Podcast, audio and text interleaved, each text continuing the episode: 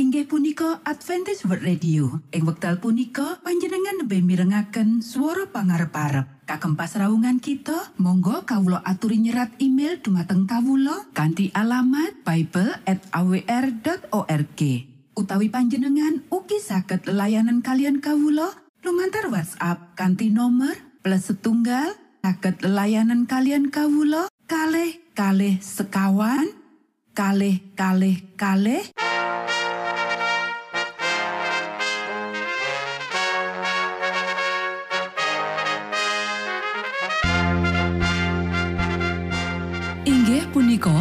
Adventist World Radio ingkang giaran kanthi basa Jawi. Tentrem Rahayu kula aturaken kagem para mitra kinasih ing pundi papan lan panggonan. Sugeng pepanggian malih kalian Adventist World Radio. Kanti bingahing manah Kulo badhe sesarengan kalian para mitra kinasih lumantar saperangan adicara ingkang sampun rinonci mligi kagem panjenengan sami.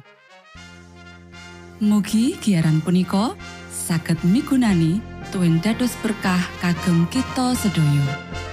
Sugeng midhangetaken Gusti amberkahi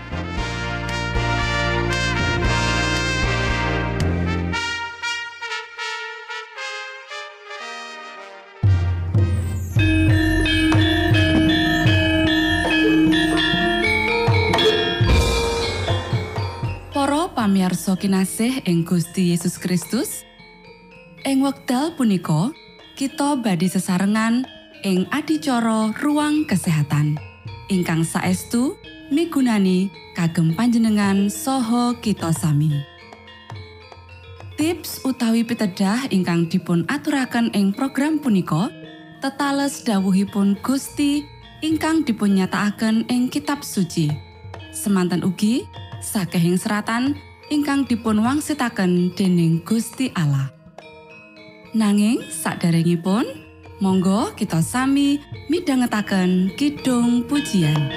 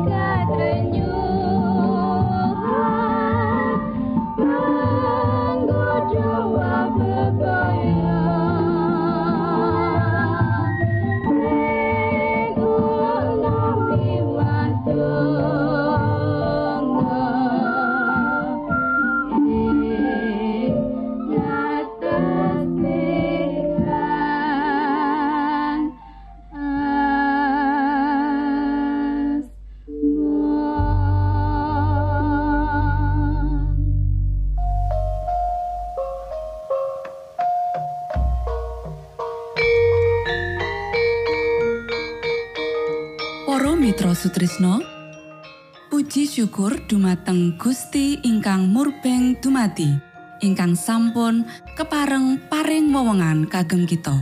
Satemah saged nglajengaken ruang kesehatan. Pirembakan kita semangke kanthi irah-irahan. Panganan nglawan depresi perangan setunggal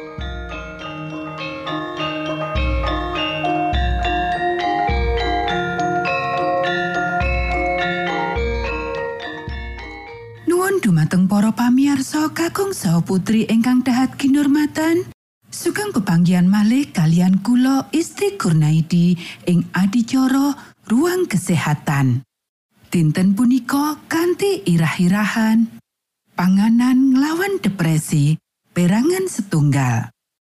Para sedherek ingkang kinasih ing Gusti depresi dumati nalika ana ora seimbange kimia ing antarane neuron panganan sing becik bisa kanggo mulihake kaseimbangan kasebut saiki ayo kita sinau panganan sugih triptopan Triptopan mujudake asam amino esensial kang mujudake perangan saka protein kang kita maam utawa tedo lan uga kang jidar badan kita. Triptopan mengaruhi mood utawa pangrasa kita sabab dheweke mujudake prekursor saka serotonin pinangka neurotransmitter kang wigati. Triptopan mujudake zat kimia kang wigati jroning otak kang duweni tanggung jawab kanggo bagyo mulya lan relaksasi. Wis dimangerteni menawa cacah triptopan jroning panganan kang kita pangan mengaruhi kadar serotonin jroning otak. Lan menawa kadar serotonin dhuwur, mulane bakal kedadean mundhake sensasi utawa pangrasa bagyo mulya utawa seger kawarasan kanthi mangkono resiko depresi bakal mudhun.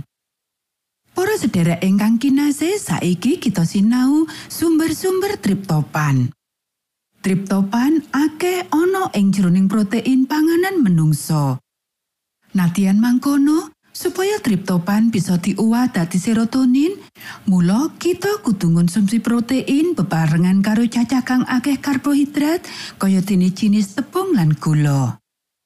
Sumber protein kang becik yaiku kacang-kacangan utawa bin lan polong-polongan. Uga kacang-kacangan utawa nut kang dipangan bebarengan karo sego pecah kulit, roti utawa crackers saka tepung gandum. Para sedherek ingkang kinasih, wiji-wijian utuh kaya oat, tepung gandum, beras pecah kulit, jagung, lan wiji-wijian wutuh liyane kang isih karo kulit arine migunani banget nulung otak lan kang lawan depresi. Para sedherek ingkang kinasih, suwene proses pencernaan saka wiji-wijian wuto iki mbutuhake wektu telu nganti limang jam. Glukosa dicolake kanthi cara terus lumintu.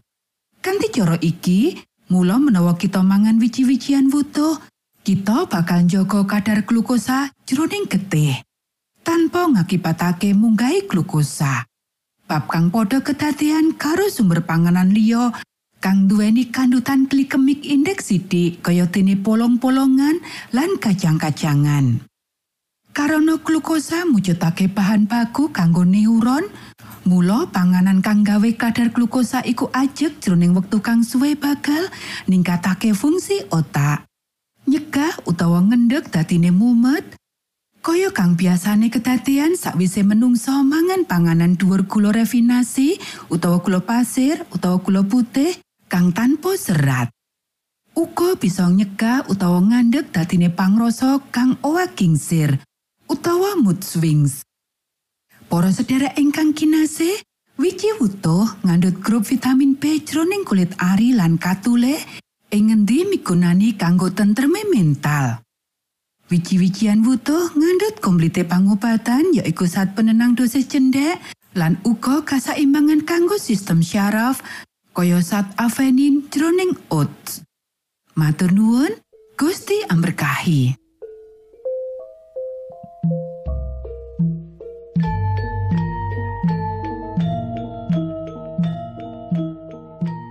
Cekap semanten pimbakan ruang kesehatan ing episode dinten punika. Ugi sampun kuatos jalaran kita badhe pinanggih malih ing episode sak lajengipun.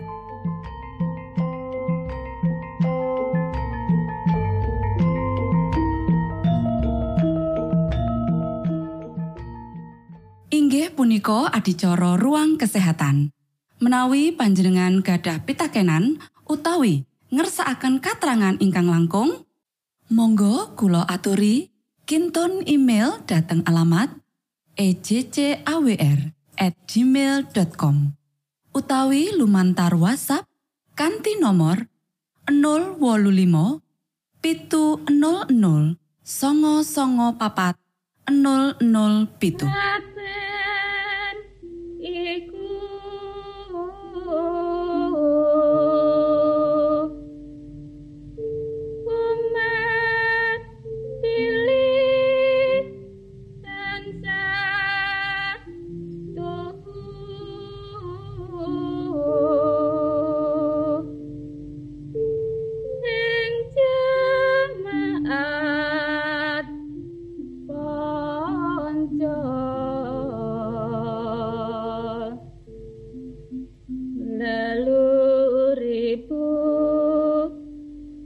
Yeah.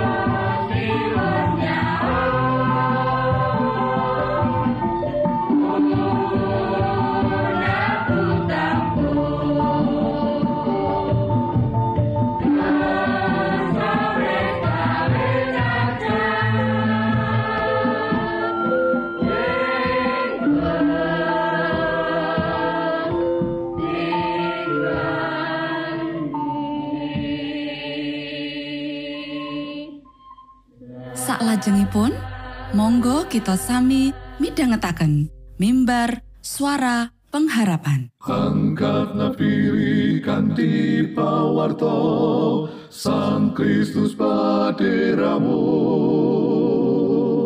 Pro umat samyo puji asmanyo Sang Kristus paderamu Inggih punika mimbar suara pengharapan. Ing episode punika kanthi irah-irahan Patimbalan kagem jumeneng. sugeng midhangetaken. Tondo Sang Kristus paderamu Ilmu kawero tambah tambah Sang Kristus paderamu Paderamu Paderamu Sang Kristus paderamu Shalom para pamirsa ingkang kinasih wonten ing Gusti. Sakmenika kita badhe mitangetaken renungan Sabda pangandikanipun Gusti. Ing dinten punika kanthi irah-irahan patimbalan kagem jumeneng. Para sedherek ingkang kinasih wonten ing Gusti, dawuh pangandikanipun Gusti wonten ing kitab Efesus pasal 6 ayat 11 lan 11 inggih punika Wusana padha dadi santosa ana ing patunggilani Gusti lan ing kasektening panguasane. Padha sikepo prapote prangi Gusti Allah supaya kowe bisa nadai gelar kaculikane iblis. Para sedherek ingkang kinasih, kanthi moto kang sumunar, batur punika kaget. Lan medal saking kamar pasaryanipun lan mirsani kahanan ingkang wasumlang. satunggaling pasukan mengsah kang ageng sanget. Kang dipun jangkepi wadya bala jaranan lan genep kalian kereta ing sakupengi. Kanthi makita kita tiang punika paring warta dumateng Nabi Elisa kalian pitaken kang nyesek. Aduh pilai bendoro kula kados pundi punika sakejanipun Nabi Elisa paring wangsulan ojo wedi amarga kang nunggal karo kita iku akeh ngungkuli kang padha nunggal karo wong-wong iku. Nabi Elisa nyeret tiang punika supados celak lajeng paring pandonga. Duh Pangeran Yehua, patuko mugi karsa mbikak mripatipun supados piyambake sumerep. Pangeran Yehua tumuli mbikak mripat batur mau satemah bisa sumurup. Gununge katon kepak prajurit jaranan lan kretan kang murup kang ono sakupengi Nabi Elisa. Kita bisa maos ing kitab kalih para raja pasal 6 ayat kang salwelas ngantos pitulas. Para sedherek ingkang kinasih, wonten ing panyusunan kitab Efesus pasal 6 ayat setoso ngantos kalih toso, Rasul Paulus ngetunggo kagem tujuan ningkataken para tiang kang sami pitados, satemah tiang-tiang punika saged mirsani kasunyatan kang kepak tantangan ingkang ageng lan kagem paring pangarep-arep saking punapa kang sampun dipun raosaken dumateng para tiang-tiang punika. Para sedherek ingkang kinasih, sumangga kita pahami pemanggihipun Rasul Paulus ingkang kaprungu wonten ing seratan kitab Efesus pasal 6 ayat setoso ngantos kalih doso. Punapa artosipun pangajap perang Rasul Paulus punika kagem kita ing jaman samangke ingkang dados pejuang wonten panentang ageng? Rasul Paulus mungkasi seratan ing kitab Efesus kanthi patimbalan kagem perang. Nyuwun kanthi cumondonging manah dumateng para tiang kang sami pitados, murih kagungan sikepo prapoting pranging Gusti Allah menggahing pasaman gereja nglawan sedaya pangawak Dursila. Rasul Paulus kawiwitanipun paring pitutur dumateng saindenging para tiang supados sentosa wonten ing patunggilanipun Gusti Allah lan kaambali dados patimbalan kagem prapoting prange Gusti lan nyengkuyung patimbalan punika tinuju kagem nangkis kajulikanipun si iblis. Kanthi adhedhasar tandingan punika kagem merangi rohing katursilan. Kanthi ringkes, Rasul Paulus lajeng ngambali patimbalan supados nyandak prapoting Gusti kagem jumeneng lan tetep tangguh wonten ing palagan. Ngagem sabuk, rasukan, kasut, kelopong lan pedang. Rasul Paulus ugi ngundang para tiang-tiang kang sami pitados, kang sampun pepak lan sumadyo dumateng palagan, kagem numindaki punapa kang dipun ayahi dening wadyabala ing palagan kino inggih punika pandonga.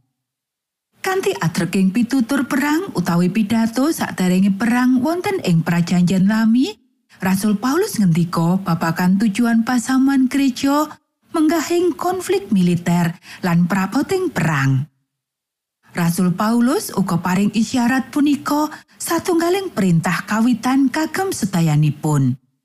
Podo dadio sentosa ana ing patunggilan Gusti Allah lan ing kasektening panguasane. Efesus pasal 6 ayat setoso. Pitutur ing palagan wonten ing prajanjian lami contonipun pangentasan pasal kalih doso ayat kalih ngantos kawan. Hakim-hakim pasal pitu ayat gangsal welas ngantos wolulas, kalih tawarik pasal tikang doso kalih ayat 6 ngantos wolu, lan Nehemia pasal sekawan ayat sekawan welas, songolas lan kalih doso. Dipun tandani panggagas, pilih kaunggulanipun bangsa Israel wonten ing palagan, boten kumantung dumateng ungguling prapoting perang utawi wadyabala kang ngungkuli para mengsahipun. Kosok wangsule, kaunggulan punika awit kawontenanipun lan panguasanipun Gusti Allah. Kunci kasuksesan sanes saking kapitayan diri piyambak, ananging kapitayan ingkang santosa wonten ing panguasaning Gusti Allah lan paugeranipun kagem kasuksesanipun para tiang punika. Rasul Paulus paring irah-irahan punika kanthi tatak ing manah kagem paring pitutur dumateng para tiang ingkang sami pitados kapureh aktif ing misine pasamuan ngematake dimensi ingkang boten nyoto ngugemi paugeranipun Gusti Allah kagem kaberhasilanipun lan tansah ngelingi wigatine paguyupan lan kasinambungan ing antawise para tiang kang sami pitados.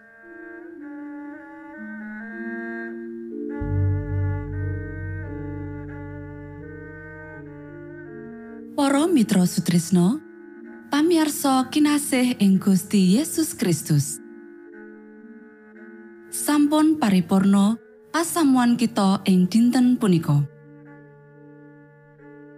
Menawi panjenengan gadah pitakenan utawi ngersakaken seri pelajaran Alkitab suara nubuatan, monggo Kulo aturi kintun email dateng alamat ejcawr gmail.com utawi lumantar WhatsApp kanti nomor 025 pitu 00 songo songo papat 00 pitu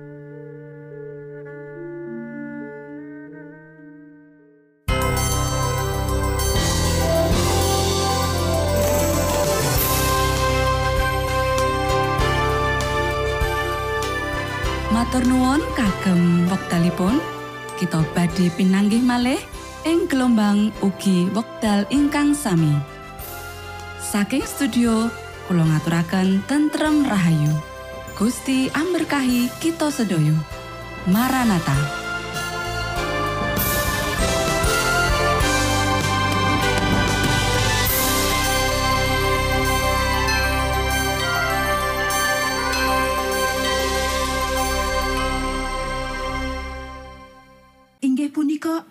Adventist Radio. Ing wekdal punika panjenengan lebih mirengaken suara pangarep-arep. Kagem pasraungan kita, monggo kawulo aturi nyerat email dumateng kawulo kanthi alamat bible@awr.org.